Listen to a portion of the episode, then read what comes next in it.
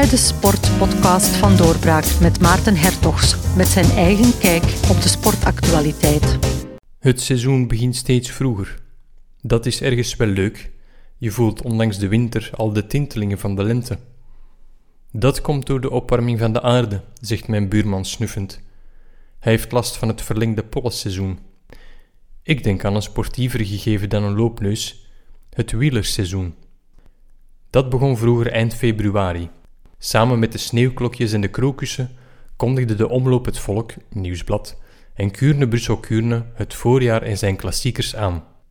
In Vlaanderen is dat nog steeds zo, maar het wielerseizoen is elders, in warmere streken, al helemaal opengebloeid. Dat is ergens wel leuk. Kijken naar renners die puffen onder een Zuid-Amerikaanse of Arabische zon. Zo konden we afgelopen weekend Remco Evenepoel zijn eerste rittenwedstrijd van 2023 op zijn naam zien schrijven. De wereldkampioen bevestigt, wij knikken tevreden en de buurman snuit zijn neus. Hoewel ik het prima vind, zo'n seizoen dat elders vroeger begint, hou ik nog steeds van de magie van het openingsweekend. Van de wielertoeristen die daags voordien en masse hun kuiten invetten en zich met veel bombarie de Vlaamse wegen en jaagpaden toe-eigenen. Van de kou en de wind die elke wielertoerist of prof en elke toeschouwer moet trotseren om de koers mee te maken. Van de belofte op nog veel meer koers op eigen bodem de komende weken. Het openingsweekend werd gedomineerd door twee ploegen die de term openingsweekend net als ik serieus nemen. Bij de vrouwen ging het om SD Works. Lotte Kopecky reed twee weken geleden nog op de piste, een totaal andere discipline. Ze ruilde de pistefiets voor de wegfiets en met een klinkende overwinning in de omloop het nieuwsblad bedankte ze Flanders Classics, de organisator van het gros van de Vlaamse voorjaarskoersen, omdat die vanaf dit jaar het prijzengeld voor mannen en vrouwen gelijk trekt. Haar ploeggenote Lorena Wiebes maakte het feestje compleet en finishte als tweede. Bij de mannen domineerde Jumbo-Visma. Anders dan de meeste profrenners gingen de coureurs van Jumbo-Visma geen competitiekilometers halen in het zonnige elders. Ze streken neer op een berg en trainden. Die aanpak kwam tot bloei.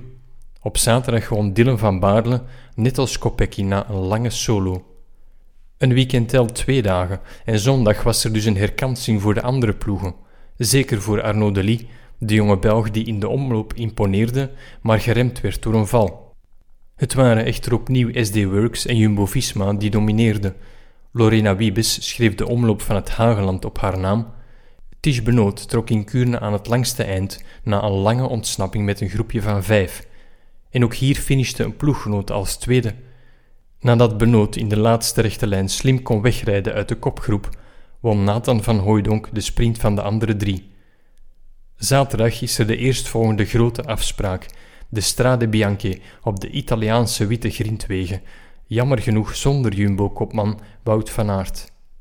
Mijn buurman en ik zijn het erover eens. Het seizoen was al begonnen, maar nu tintelt het pas echt.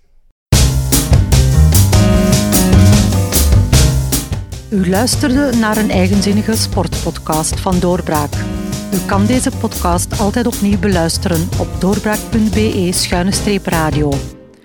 Nog meer nieuws, analyse, interview en opinie vindt u op doorbraak.be. Word proefabonnee of steunabonnee van Doorbraak op doorbraak.be-abonnement en mis nooit nog een aflevering.